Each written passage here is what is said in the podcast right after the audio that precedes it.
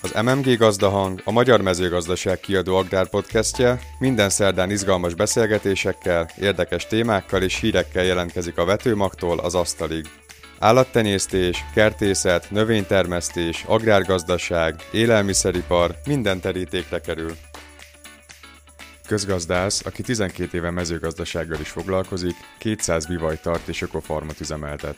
Szabó Lászlóval, a Hold alapkezelő elnökével Halmos B. Ágnes, a kistermelőklapja főszerkesztője beszélgetett arról, lehet-e pusztán befektetésként tekinteni az agráriumot, hogyan kezeljük a rendelkezéseink álló erőforrásainkat, elsősorban a termőföldeket, de a fenntartható gazdálkodás lehetséges útjairól is szó esik.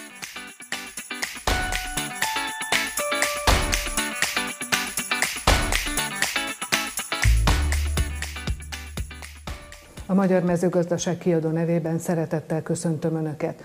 Ma egy olyan embert köszönhetek itt a stúdióban, aki nem a mezőgazdaságból jött, de mégis oda keveredett. Köszöntöm a stúdióban Szabó Lászlót, a Hold alapkezelő elnökét, aki közgazdász, de egyébként meg bivajokat is tart. Hogy is kezdődött ez az egész? Kezdjük a mágnás. Hát, mint az életben olyan nagyon sok minden sorozatos véletleneknek a következtébe kerültem egy ilyen bio, bivajfarnak a kellős közepére.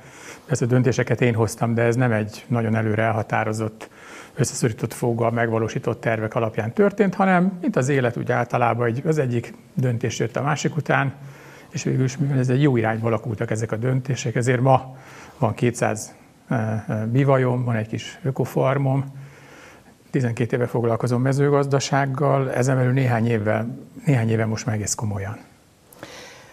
Azért furcsa ez a dolog számomra, mert a világban számos olyan gazdag emberrel találkozni, aki, aki vala, valamilyen más területen hozzájutott egy csomó pénzhez, és akkor földet vásárolt.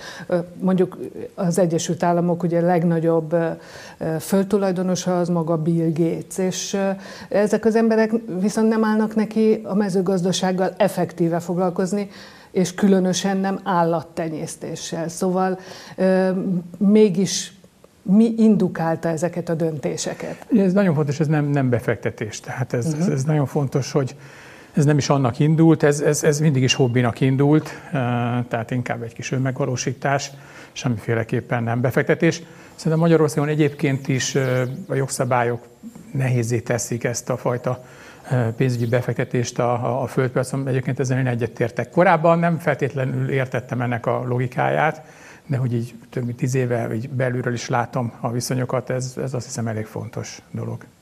Mi a fontos benne? Kicsit azért, azért gondolom, hogy ez egy, ez egy fontos dolog lehet, hogy a mezőgazdaságban, főállásban dolgozók is értsék, hogy valaki, aki úgymond kívülről jött, az, az hogyan látja a mezőgazdaság logikáját? Sokkal sokrétűbbek a hatásai, mint egy bármilyen iparágnak. Tehát uh, nem lehet nagyon leegyszerűsített logikát, tehát mondjuk nem feltétlenül, és hát nem is úgy működik, tehát nem, nem, nem lehet egy szintiszta profitorientált területnek nézni a mezőgazdaságot, túlságosan nagy hatása van egy csomó határterületre, meg az életünkre, csomó más szempontot figyelembe kell venni, és hát egyébként valamennyire mm, ez meg is valósul, más kérdés, hogy milyen hatékonysággal. Beszéljünk akkor a hatékonyságról, ha már ezt említette. Szóval mennyire hatékony a mezőgazdasági termelés, akár a magyar mezőgazdasági termelés? Hát attól függ, hogy milyen célok tekintetében nézzük ezt a hatékonyságot. Maga egyébként így mint az egészre egy rácsodálkoztam, és persze nekem sajátos szemléletem van, és biztos, hogyha valaki mondjuk a mezőgazdaságból mondjuk az értékpapírpiacokat nézni, akkor ő is egy csomó dologra rácsodálkozni, és nem érteni, hogy miért működik.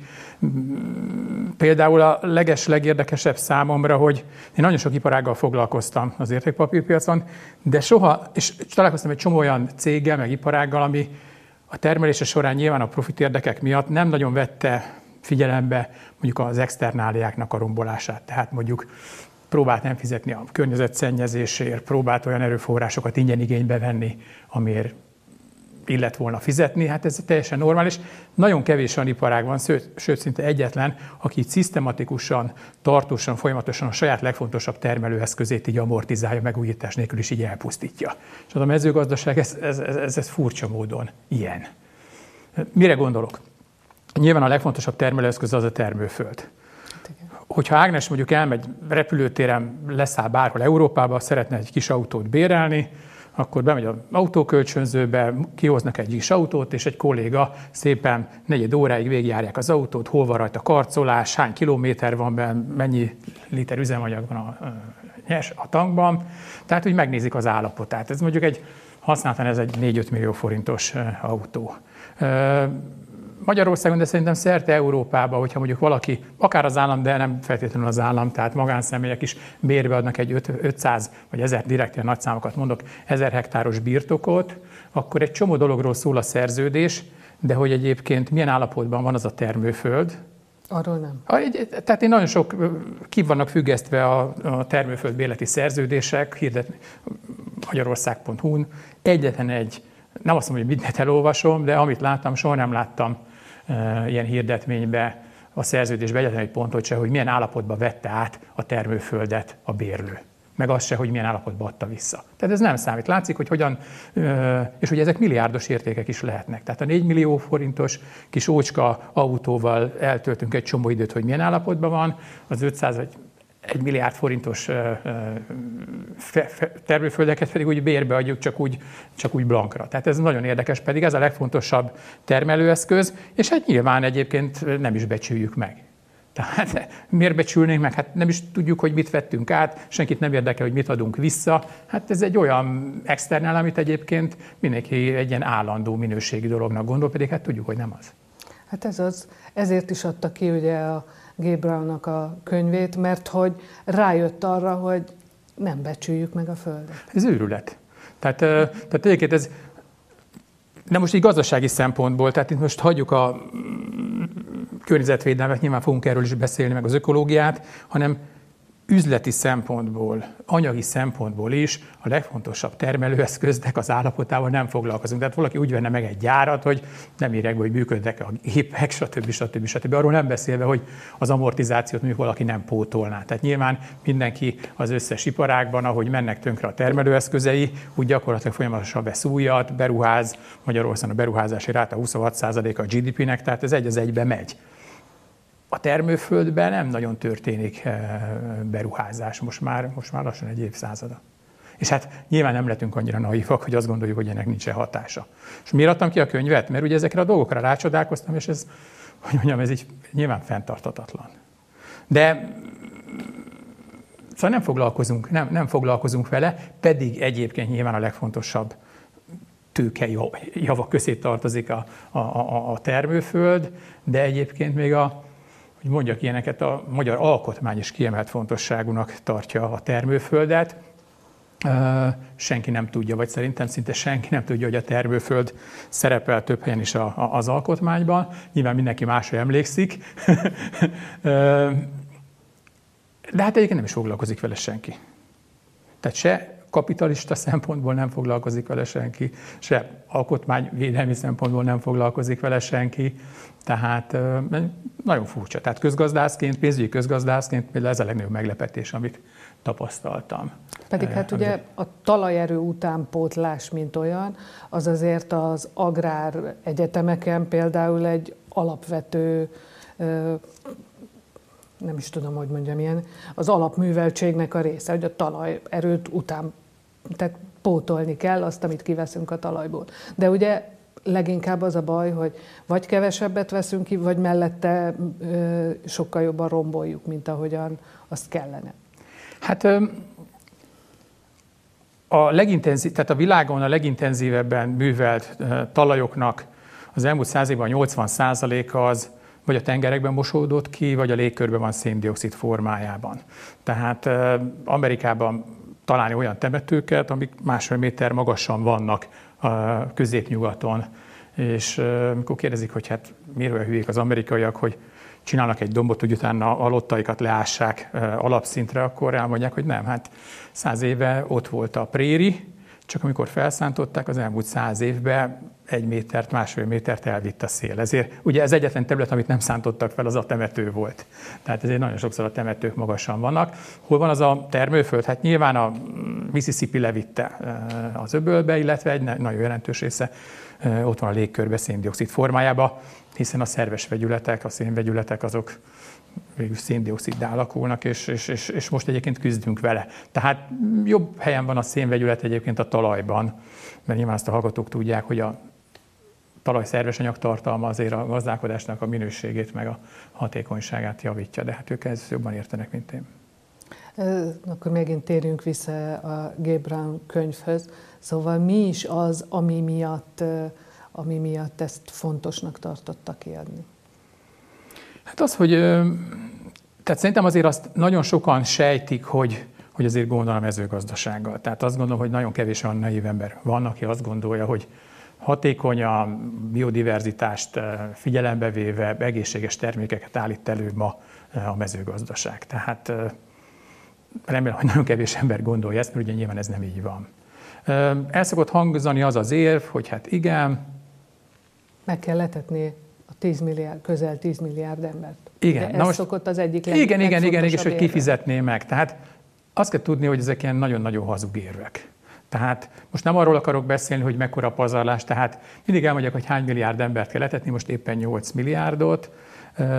Őrült nagy a pazarlás, de most ezzel nem, fogla, nem foglalkozunk, mert ezt nem tudjuk jól megbecsülni. Amit sokkal jobban meg tudunk becsülni, hogy meg sokkal jobban látunk, hogy a mezőgazdaságnak már évtizedek óta nem az a probléma, hogy túl keveset termel, hanem az, hogy túl sokat. Tehát, hogy mi a francot csináljunk azzal a rengeteg terménnyel, amit megtermelünk. Ugye nyilván lehetne egy válasz az, hogy csökkentjük az intenzitást, és egy kicsit környezetudatosabban termelünk, és, a, és akkor így csökkentjük a mennyiséget. Lehetne egy válasz az, hogy visszadunk a természetnek egy csomó feltört földet, ehelyett keresünk helyet a, a feleslegesen megtermelt, vagy többlet megtermelt növényeknek. Ez most éppen az elmúlt, nem tudom, 15 évben ez mondjuk a üzemanyag. Tehát kvázi elégetjük, kicsit átalakítjuk őket, és elégetjük az üzemanyagokat, vagy a, vagy, vagy, vagy a terményeket. Ugye usa és Magyarországon is a legnagyobb vetésterületen növény a kukorica. Mind a két országban 50% fölött van a kukoricának a, a, az etanol felhasználása. Mm. Tehát itt csak arra akarok utalni, hogy itt nem marginális mennyiségekről van szó. Mondjuk egyébként száz éve is hasonló volt a helyzet, mert mert a kukoricatermésnek a 40% az USA-ban akkor is a mobilitást szolgálta, hát akkor a lovakat etették meg vele, tehát valójában a kukorica akkor is áruszállításban, meg személyszállításban játszott szerepet. Lehet ezen vitatkozni, hogy egyébként most a, a, az etanol meg az mezőgazdasági termények üzemanyag célú felhasználása milyen előnyökkel meg hátrányokkal jár, de ne csapjuk be magunkat, tehát hogy ezt nem esszük meg, ezt elégetjük. Igen. Tehát, hogy bőven van elég termés, még így is, tehát sokkal jobban koncentrálhatnánk más fontosabb dolgokra, mint hogy egyébként a termés mennyiség. De hogyha a termés mennyiségeket veszük alapul, jelen pillanatban ugye meg állandóan az a probléma, hogy a világnak vannak olyan szegletei, ahol viszont nincs elég, akkor mégis többet termelünk? Hát ez egy elosztási probléma, tehát ez egy nagy probléma, tehát ezt nyilván nem szabad alábecsülni, de hogyha nem működik a logisztika, akkor annak helyzetben semmi szerepe, vagy semmi értelme nincs, hogy mondjuk valahol termelünk háromszor annyit, de nem tudjuk, és ott mondjuk megrohad, ahol meg éhe, a másik oldalon éhehalnak az emberek, de nem tudjuk a kettő között áthidalni a kereslet kínálati viszonyokat. Tehát azért felesleges irtozatos nagy mennyiséget többletbe termelni, mert egyébként ezek az elosztási csatornák nem jól működnek. Erre a problémára nem a többlettermelés a, a megoldás, hanem az elosztási módszereknek a javítása. Jó, ö, akkor a, a ön szerint a mezőgazdasági termelésben mi lenne a, az igazi cél? Szóval egy mezőgazdasági termelő az, az hogyan építse föl a saját gazdaságát, a saját termelését, hiszen ő neki, ő neki ugye profitot kell termelnie, hogy föntartsa magát. Igen, tehát, ezt, tehát azt kell mondjam, hogy, a, hogy ezt nem a mezőgazdasági termelőnek kell eldönteni. Tehát a, a mezőgazdaság szinte szerte a világon alapvetően az az iparág, ami leginkább kicsit el van térítve a piaci alapoktól, nagyon sok a támogatás. És gyakorlatilag a, a mezőgazdasággal foglalkozók szerintem a legtöbb esetben a gazdasági döntéseiket és a szakmai, döntés, és a szakmai döntéseiket e, nyilván a jó felfogott érdekükben, mert el kell tartani a családjukat, és ezt nem is szabad tőlük elvitatni, a mezőgazdasági struktúrának megfelelően, vagy a támogatási struktúrának megfelelően alakítják ki. Tehát itt nyilván mindig a döntéshozóknak és a támogatási rendszer kialakítóinak kell kialakítani azt a támogatási rendszert, ami olyan irányba viszi egyébként a gazdáknak az egyéni döntéseit, hogy a közjó szempontjából ezek a legoptimálisabbak legyenek. Tehát nem szabad elvárni egy gazdától, Pápán vagy éppen Zalaköves kuton, hogy ő kitalálja a világ problémáinak a megoldását. Ő neki termelni kell, nyilván meghatározott szabályrendszerek szerint, nyilván megfelelő, ösztönző rendszerekkel, a döntéshozóknak kell ezeket az ösztönző rendszereket úgy kialakítani, hogy még egyszer mondom, a közjót szolgálja a mezőgazdaság.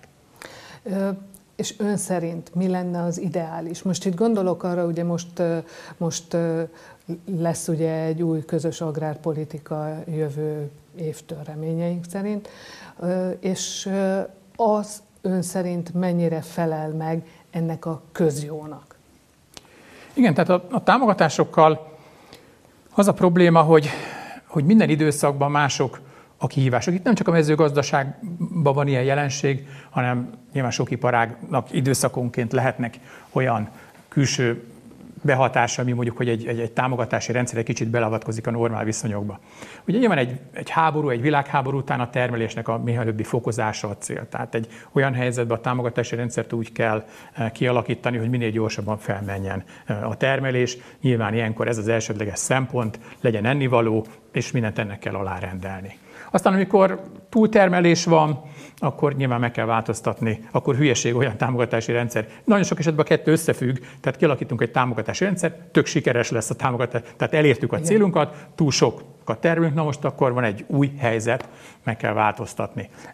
Az a baj, hogy amikor kialakul egy támogatási rendszer, egy státusz, az nagyon-nagyon nehéz változtatni. Tehát lehet, hogy már a probléma az már teljesen más, mint ami alapján kialakítottuk az eredeti támogatási rendszerünket. De mivel ugye mindenki ebből él, meg mindenki így alakította a termelési eszközeit, az üzleti modelljét, sőt a gondolkodását is, és ez a leges legfontosabb, marha nehéz felismerni, akár a döntéshozóknak is, hogy azok a cél, hogy ez a támogatás ez nem egy öncélú, véletlen égi adomány, hanem ez egy adott problémára adott válasz, és az a probléma az már megszűnt, és más problémák vannak. Tehát meg kell változtatni a támogatási rendszert. Nyilván ma nem az a probléma, hogy túl keveset termelünk. Ma azt gondolom, hogy egyre inkább látjuk azt, hogy az a probléma, hogy azért úgy szépen tesszük tönkre a, a, a környezetünket. Hadd mondjak néhány ilyen makrogazdasági számot, mert én ugye ahhoz jobban értek. Az Európa, vegyük az Európai Uniót, mert Magyarország nyilván ebben a rendszerben e, létezik, e, és jobbak az átlagok, jobban át tudjuk látni e, a jelenségeket. Az agrárszektor, itt az élelmiszeripart nem beleértve, az európai GDP-nek az 1,3%-át jelenti. Az gyakorlatilag Szinte nulla. Foglalkoztatási Igen. szempontból is néhány százaléka eh, a, a foglalkoztatottaknak eh, dolgozik az agrárszektorban, ugyanakkor az életünkre, a mindennapi életünkre elképesztően nagy a hatása. Hogy milyen a vízünk, hogy milyen a levegőnk, hogy milyen a termőföldünk, hogy milyen a biodiverzitásunk. Talán kevés olyan iparág van, sőt, Szerintem ez az az iparág, az a, az a gazdaságnak a szektora, ami leginkább hat. Na most tök hülyeség egy 1,2%-os agrárszektornál azt mondani, ami ugye ennyi módon multiplikatívan hat az életünkre, hogy most akkor itt legyen csak a profit eh, a legfontosabb. Mondom ezt én, ugye, tűzsdei ember. Eh, tehát ez, ez és hadd mondjak még egy számot. Európában egy átlag ország eh, egészségügyi kiadásokra fordítja a GDP-nek a 9 és 10 százalék közötti részét. Amit mondok, az egy hasonlítés, de én meg vagyok arról győződve, hogy az egészségügyi ráfordításoknak több mint 10 százaléka áll összefüggésbe egyébként az élelmiszerrel, amit elfogyasztunk, a vízzel, amit megiszunk, a különböző mm, allergiás betegségek, stb. stb. stb. Tehát én azt gondolom, hogy a mezőgazdaságnak a nem optimális működése, és akkor most finoman fogalmazom, valójában az egész nemzetgazdaságban betöltött pozitív szerepénél többe kerül nekünk egyébként az egészségügyi oldalon, mint amennyit a GDP-hez hozzárak. Tehát ugye azt mondtuk, hogy 9-10% Európában az egészségügyi kiadásoknak az aránya, GDP arányosan, tehát ha azt mondjuk, hogy 10-15%-a ezeknek a kiadásoknak a rossz táplálkozással, hát, a nem megfelelő minőségű élelmiszerekkel van összefüggésben, akkor látjuk azt, hogy valójában többet költünk a mezőgazdaság okozta, a jelenlegi mezőgazdasági okozta betegségekre, mint amennyi összterméket a mezőgazdaság megtermel. Ez azért ez brutális. Igen. Ön hogy gondolja, milyen az ideális mezőgazdaság? Tehát hogyan lehetne ezt a rendszert valahogy úgy átfordítani, hogy, hogy kevesebb legyen mondjuk például az élelmiszerek okozta probléma, és a mezőgazdasági termelő is jól járjon, az a természet is jól járjon, és az emberiség is. Én azt gondolom, hogy a, a termelőből kell kiindulni, tehát olyan rendszereket kell csinálni, ahol a termelő el tudja tartani a családját. Ez, ez, ez, ez nyilvánvaló. Igen. Tehát, de szerencsére, mivel a mezőgazdasági termelő profitabilitásában ma is nagyon jelentős szerepet játszik a támogatás, ezért lehetőségünk van egyébként ezt alapvetően alakítani. Ugye tudjuk azt, hogy bőven túl sok élelmiszer termelünk, mint amennyit tehát, hogy elfogyasztunk, tehát itt van a mozgásterünk. Tudjuk azt, hogy a mezőgazdasági, az agrokémiára alapuló mezőgazdasággal rendkívül sok egészségügyi problémát okozunk saját magunknak, valószínű nagy, tehát egy nagyságrenddel, tehát összehasonlíthat az egész termelési értékével az agrárszektornak. Tehát hogy ebből egyébként következik, hogy tehát szükségszerűen, logikusan következik, hogy mit kell csinálni. Nyilván az agrokémiának az intenzitását csökkenteni kell, a vegyszereknek a mennyiségét csökkenteni kell, egy kicsit egészségesebben kell termelnünk, és hála Isten van annyi tartalék a rendszerben, hogy ettől nem omlik össze az élelmezésügyünk, mert nyilván ez nem egy olyan dolog, amivel nagyon lehet egyébként játszani. Tehát ez, ez, ez, ez, ez nagyon fontos. Akkor én most ilyen szkeptikus dolgokat mondok. Ugye a magyar, illetve nem, tehát a jelen pillanatban használt búza, kukorica és egyéb vetőmagok, azok akkor képesek a legjobb teljesítményt nyújtani, mondják a szakemberek, hogyha a megfelelő agrotechnikát és agrokémiát mellé tesszük. Akkor itt mit lehet csinálni? Ugye van egy olyan, tehát van egy olyan vélekedés ugye a mezőgazdaságban, hogy van a nagyon-nagyon intenzív agrokémiára alapuló mezőgazdaság, ami szuperhatékony, és nagyon jó terméseket hoz és, és fenntart. Tehát valahogy, és akkor vannak egyébként az ilyen kicsit természetközelibb dolgok, amik meg ilyen nagyon-nagyon elvont, lélekjobbító, alternatív embereknek az ilyen kis próbálkozásai.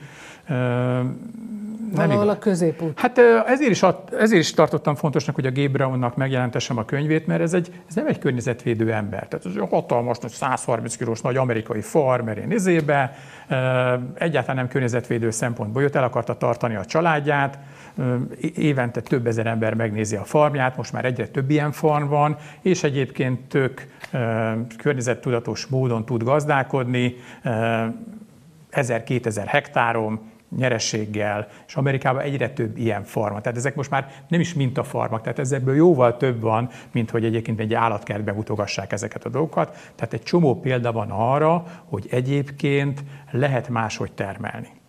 És ez nem, jelenti, nem feltétlenül azt jelenti, hogy 0,5 tonnás fuzáriumos buza termésem van, hogyha egyébként én természetközeli, direkt nem biót mondok, természetközeli gazdálkodást folytatok. Tehát szerte a világon van erre egy csomó példa, Magyarországon is egyébként egyre több példa van erre, és ugye ez az év egyébként megmutatta azt, hogy Dobos Endre barátomnak abszolút igaza volt, aki ugye a talajnak a nagy professzora, amikor azt mondta, hogy ez a magyar, vagy ez a modern agrokémiára alapuló mezőgazdaság, ez gyakorlatilag az olcsó szénhidrogének illúziójára épül.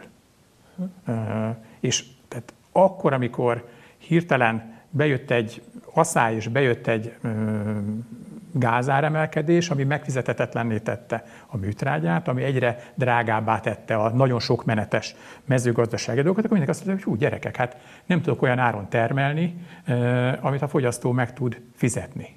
Ráadásul elképesztő sok mennyiséget rakok egy hektárba, mielőtt aratnék, és hogyha eljön az asszály, akkor elképesztően sokat bukok. Tehát mert csak műtrágyára, vetőmagra és mindenre elkötök hektáronként több százer forintot, ha ott nincs termésem, akkor ennyi a bukó. Ugye a Brown azt mondja, hogy sokkal kisebb inputokkal dolgozzunk, nem baj, hogyha nem mi nyerjük meg a termés versenyt, a termés olimpiát, úgysem medálokra van szükségünk, meg kitüntetésekre, hanem profitra van szükségünk. Kisebb ráfordítások mellett a kisebb árbevétel is hoz megfelelő profitot. Itt ugye nem mikroszámokról kell beszélni, azért ez egy 2000 hektáros gazdaság. És kijön neki a matek, hektáronként a jövedelmezősége bőven megveri az amerikai átlagot. Arról nem is beszélve, hogy ha van egy őrült nagy mezőgazdasági tehát probléma, hogy asszály, vagy bármi módon elpusztul a termés, akkor a fix költség, amit berakott a gazdálkodásba, sokkal kisebb, mint aki szuperintenzíven gazdálkodik. Szerintem ezt idén nagyon sok ember megérezte ennek a logikának az érvényességét a saját bőrén. Egy kicsit akkor kanyarodjunk oda, hogy, hogy mi a helyzet az állattenyésztéssel, hiszen azt viszont a, a saját bőrén tapasztalja, hogy, hogy az állatokat mindenképp etetni kell, akár volt a száj, akár nem. A növénytermesztés és az állattenyésztés nem tudott egymástól nagyon-nagyon durván eltérni, hiszen a növénytermesztés egy jelentős részét ugye az állatokkal etettették meg, etették meg már akkor is, és a fölmentek a terményárak, akkor előtöbb felmentek a húsárak, és azért 10-20 éve azért ez, ez nem működik már annyira jól ez a, ez, ez, ez a dolog. Éppen tegnap néztem meg egy grafikont, majd átküldöm önnek Ágnes, hogy gyakorlatilag a kukorica az elmúlt 15 évben nagyon-nagyon szépen a kőolajjal mozgott együtt. Nyilván ez, tehát nagyon erős korrelációt mutatott a kőolajjal. Nem véletlen, hiszen mondjuk nyilván az üzemanyag, tehát az üzemanyag célú takarmánytermelés az szívja ki a kukoricát a piacról, az olajpiacnak a változásai megjelennek az etanolpiacon, azonnal megjelennek a kukoricapiacon. Uh-huh. Tehát amikor mondjuk egy kukoricának a nagyobb része megy etanol előállításra, mint mondjuk állattenyésztési szempontból, akkor nyilván eltérhetnek ezek a régi összefüggések egymástól, mint ahogy egyébként át is rendeződött a kapcsolat, tehát most sokkal szorosabb kapcsolat van a kőolaj és a kukoricár között, mint mondjuk a vágósertés meg a, a, a kőolaj között. Szerintem aki ebbe a bizniszben van, ezt, ezt, ezt, ezt pontosan uh, tudja. Tehát alapvetően megváltoztak a, az összefüggések, és gyakorlatilag uh, most nem akarok ezen lovagolni, de a, az etanol biznisz nyilván egy nagyon nagy keresleti versenyt teremt az állattenyésztők Igen. felé. Uh, és amikor ilyen magasak az üzemanyagárak, akkor ezzel nagyon nehéz versenyezni. De hát az állatokat mégiscsak meg kell letetni, és a kistermelők lapjába például komoly, komoly cikkek szólnak arról, hogy, hogy bizony gazdálkodók kénytelenek az állományokat felszámolni, és aki meg, aki meg tényleg a, az állatok iránti szeretete viszi előre addig a gazdaságot, kibekkeli, amíg majd talán lesz olcsóbb a takarmány. Hát igen, ez egy nagyon nehéz kérdés, szerintem ez egy ilyen önálló műsort igényelne. Nyilván a, a, az állattenyésztésnek a, a, a nagyon hatékony és nagyon intenzív módszere, ahol fűtünk épületeket, ahol, ahol abraktakarmányjal betetjük a jószágokat, nagy állatsűrűséggel, komoly egészségügyi ráfordítások lennek. Ez egy nagyon intenzív és nagyon hatékony állattenyésztési mód, itt, itt, itt, itt a szénhidrogén költség az, az aztán az egyik leges legfontosabb termelési tényező. Most nyilván nem ez a példa, de megjegyzem, hogy tehát az én bívajaim azok hál' Istennek Nyugat-Magyarországon is ebben nyilván ez nem a mi érdemünk, egyszerűen csak szerencsések voltunk. Voltak esők egészen július közepéig, tehát csak egy nagyon durva szájos hónapunk volt, és tehát a legelők nem, kér, a legelők nem emeltek árat tehát, tehát egy jó legelőgazdálkodás, tehát nem fűtjük az istálókat, nem abraktakarmányra letetjük a jószágainkat, nem, fog, nem folytatunk intenzív mezőgazdasági gyakorlatot, tehát valójában mondjuk az én farmomon a, a, a bérköltségek jelentenek azoknak az emelkedése jelent ugye kiadás növekedést. Soha nem, vett, nem tudom mennyi a műtrágya, csak az újságból olvasom, soha nem vettem. Nem tudom mennyibe a növényvédő, soha nem vettem. Jó, speciális a helyzetünk, de azért 200 bivajt azért mégis etetünk már 10 éve, egyébként mindenféle probléma nélkül. Tehát tehát csak arra akarok utalni, hogy ezeknek a problémáknak a felmerülése, és ezek nagyon durva és életbeváló problémák, ezek nagyon-nagyon máshogy érintették az állattenyésztésnek a különböző módját alkalmazókat. Nyilván, amikor van egy mindent elpusztító asztal, akkor, akkor tök mindegy, hogy mit csinálsz. Tehát azzal semmit nem lehet kezdeni. Itt ugye egy kicsit összekeveredtek az idei évbe, tehát ugye csőstől jön a baj, összekeveredett ugye az ország nagy részén az elképesztő asszály, meg egyébként az elképesztően emelkedő input költségek, de ezek nem feltétlenül kellene, hogy összefüggjenek, nem azért drága a műtrágya, mert egyébként éppen nem esett az eső Magyarország nagy részén, és ezért nagyon nehéz kibogozni azt, hogy most mi minek köszönhető, vagy mi, mivel indokolható.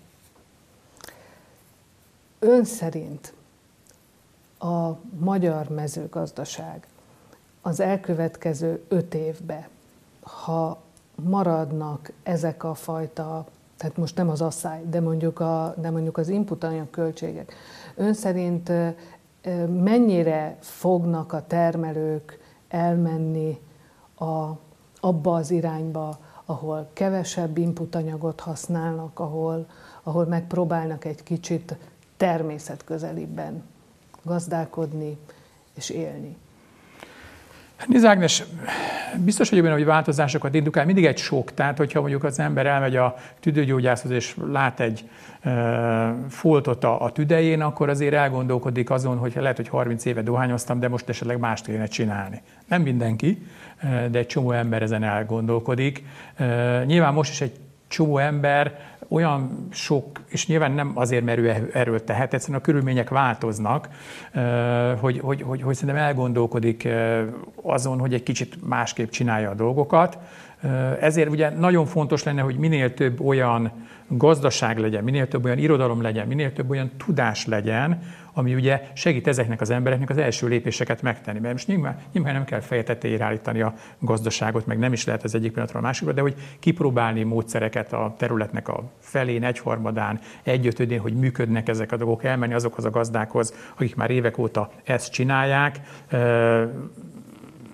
legyen szakirodalom, ez nagyon fontos, mert az megkönnyíti ennek a váltásnak az előkészítést. Nyilván egyébként a szabályozó rendszer, tehát a, a támogatások ebbe az irányba hatnak, hatnak tehát van egy ilyen kényszer is. A, a magas inputárak szintén ebbe az irányba hatnak, ez is egy nagyon erős kényszer.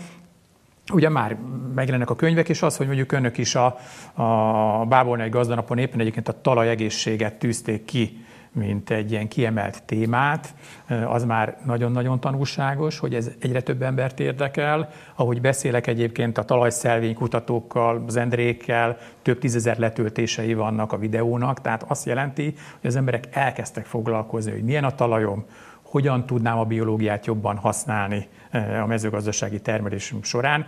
Mert egyébként azokat a másfél milliós gnucsordákat, amik ott ugye mennek a Szerengetibe, azok se úgy kapnak táplálékot, hogy előtte a kis fekete emberek kiszórják a nitrogén műtrágyát, hogy legyen mit a gnuknak enni.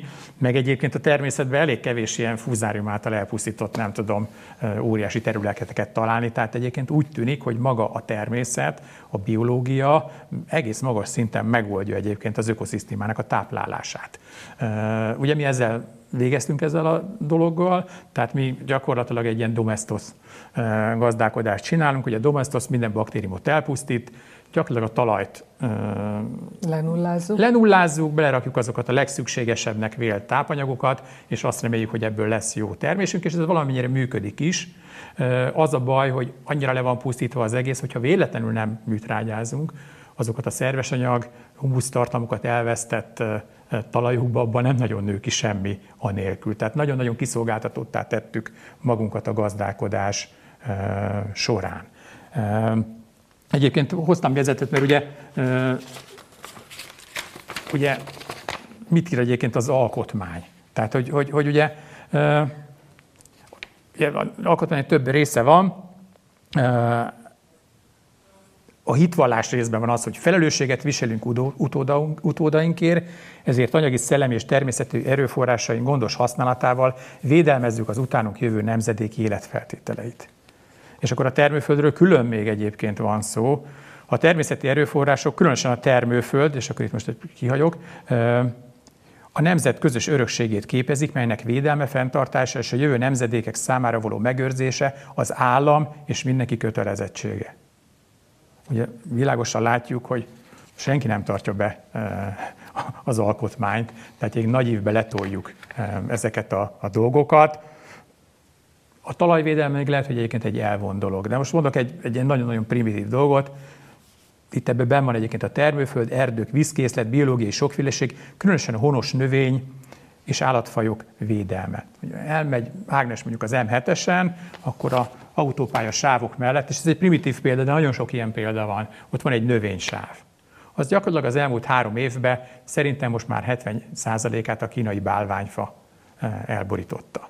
Tehát az egy, az egy özönfaj, semmi köze egyébként az őshonos növényekhez, eh, majdnem nem zavar senkit, nem foglalkozik vele, eh, a termőföld védelmével sem foglalkozik igazából senki, a jövő nemzedéknek az érdekeivel sem foglalkozik senki marhára nem érdekel bennünket, hogy most kihalnak a bálnák, vagy mi van a delfinekkel, de igazából az érdekel bennünket, hogy mondjuk az Alföld rossz részén élők, azok elveszítik a természetes életfeltételéket. Nem használunk kevesebb energiát, eh, csak azért, hogy egyébként a jövő generációnak jobb legyen. Ha fölmegy az ár, a kétszeresére, a háromszorosára hirtelen úgy tűnik, mintha valakit is kezdene érdekelni a bálna, meg hogy egyébként az Alföldnek bizonyos részei lakhatóak lesznek, nem tudom, 50 év múlva, vagy nem. Tehát egyáltalán nem lengi be a mindennapjainkat a jövő iránt érzett felelősség, és ez nem egy fenntartható állapot, ezen változtatni kell, jöjjön az ember a mezőgazdaságból, vagy az értékpapírpiacokról, nem hiszem, hogy van más választási lehetőségünk. Köszönöm szépen. Én köszönöm a lehetőséget.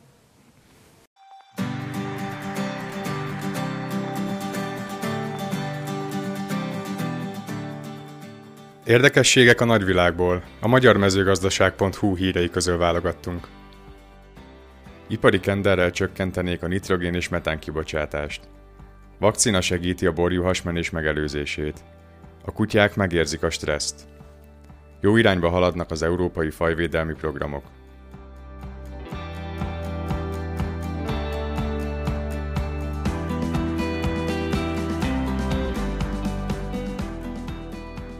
Ipari kenderrel csökkentenék a nitrogén és metán kibocsátást. Egy kutatóintézet és egy egyetemi kutatócsoport arra következtetésre jutott, hogy szántóföldi ipari kender termesztésével csökkenteni lehet a mezőgazdaság káros anyag kibocsátását. A kendertermesztés újra reneszánszát éli, mivel köztudottan kicsi a tápanyag utánpótlás és vízigénye, és növényvédőszert sem igényel. A kender gyökérzete 3 méter mélységig lenyúlhat, gyors növekedése során sok nitrogén felvesz a talajból. Egyelőre nem sikerült meghatározni, hogy a növény mely talajrétegben mennyi nitrátot vesz fel, de az ezzel kapcsolatos vizsgálatok tovább folytatódnak. A kender takarmányként való hasznosítását szigorúan szabályozzák a THC tartalma miatt, ezért THC-mentes fajtákkal vizsgálják, milyen lehetőségek vannak a szója kiváltására. A kenderlevél fehérje tartalma 23%-kal meghaladja a herefélékét és a lucernájét, emészthetősége viszont egyelőre még tisztázatlan. Vakcina segíti a borjuhasmenés megelőzését. Az újszülött borjak vérében nincsenek antitestek, ezekhez életük kezdetén a kolosszumból jutnak hozzá, ezáltal ellenállóbbak lesznek a fertőzésekkel szemben. Ennek felgyorsítására egy német állategészségügyi vállalat piacra dobta az első borjuhasmenés megelőzésére alkalmas vakcinát. A vakcinázott tehenekből származó kolosztrum és tej nagyobb mennyiségben tartalmaz antitesteket, így az általuk táplált borjak ellenállóbbakká váltak, jelentősen csökkentve ezzel a borjuhasmenés előfordulását. A vakcinát már idén forgalomba hozzák az Európai Unió egyes piacain, az Egyesült Királyságban és Írországban. A vakcina az első olyan engedélyezett készítmény, amely a rotavírus és az E. coli F5 okozta hasmenés megelőzésére jelenthet megoldást. A kutyák megérzik a stresszt. A kutyák meglepően pontosan érzékelik a stresszt az embereken, ezt most egy új kutatás is alátámasztotta. A kutyák orra annyira kifinomult, hogy megérzik az akut stressz által az emberi verejtékben és leheletben megváltozó vegyületeket. Az új kísérlethez négy kutyának emberi önkéntesektől gyűjtött izzadság és mintákat mutattak be, mielőtt és miután az emberek egy nehéz matematikai feladatot végeztek.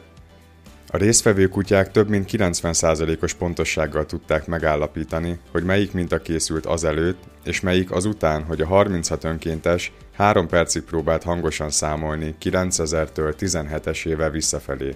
A kutyák a stressz minták kimutatásában több mint 90%-os pontossággal dolgoztak, ami a kutatók várt eredményeit is felülmúlta.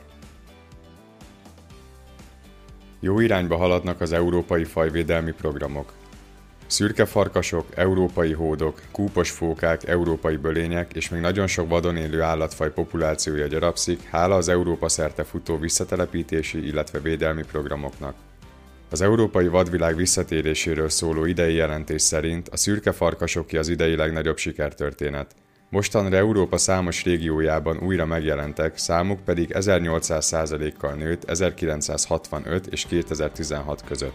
A madárfajok közül az apácalúd, a fakókesejű, a nagykócsag és a borzasgödény populációi szintén növekedést mutatnak. Az eredmények mögött olyan jogi szabályozások állnak, amelyek az EU madár- és élőhelyvédelmi irányelvein keresztül születtek, és megváltoztatták a politikát és a terület használatot. Azonban nem minden faj esetében ilyen pozitív a kép. A gyűrűsfóka jövője bizonytalan, mivel a szaporodásra használt területei vészesen megfogyatkoztak a csökkenő égborítás miatt. Olvasható a jelentésben.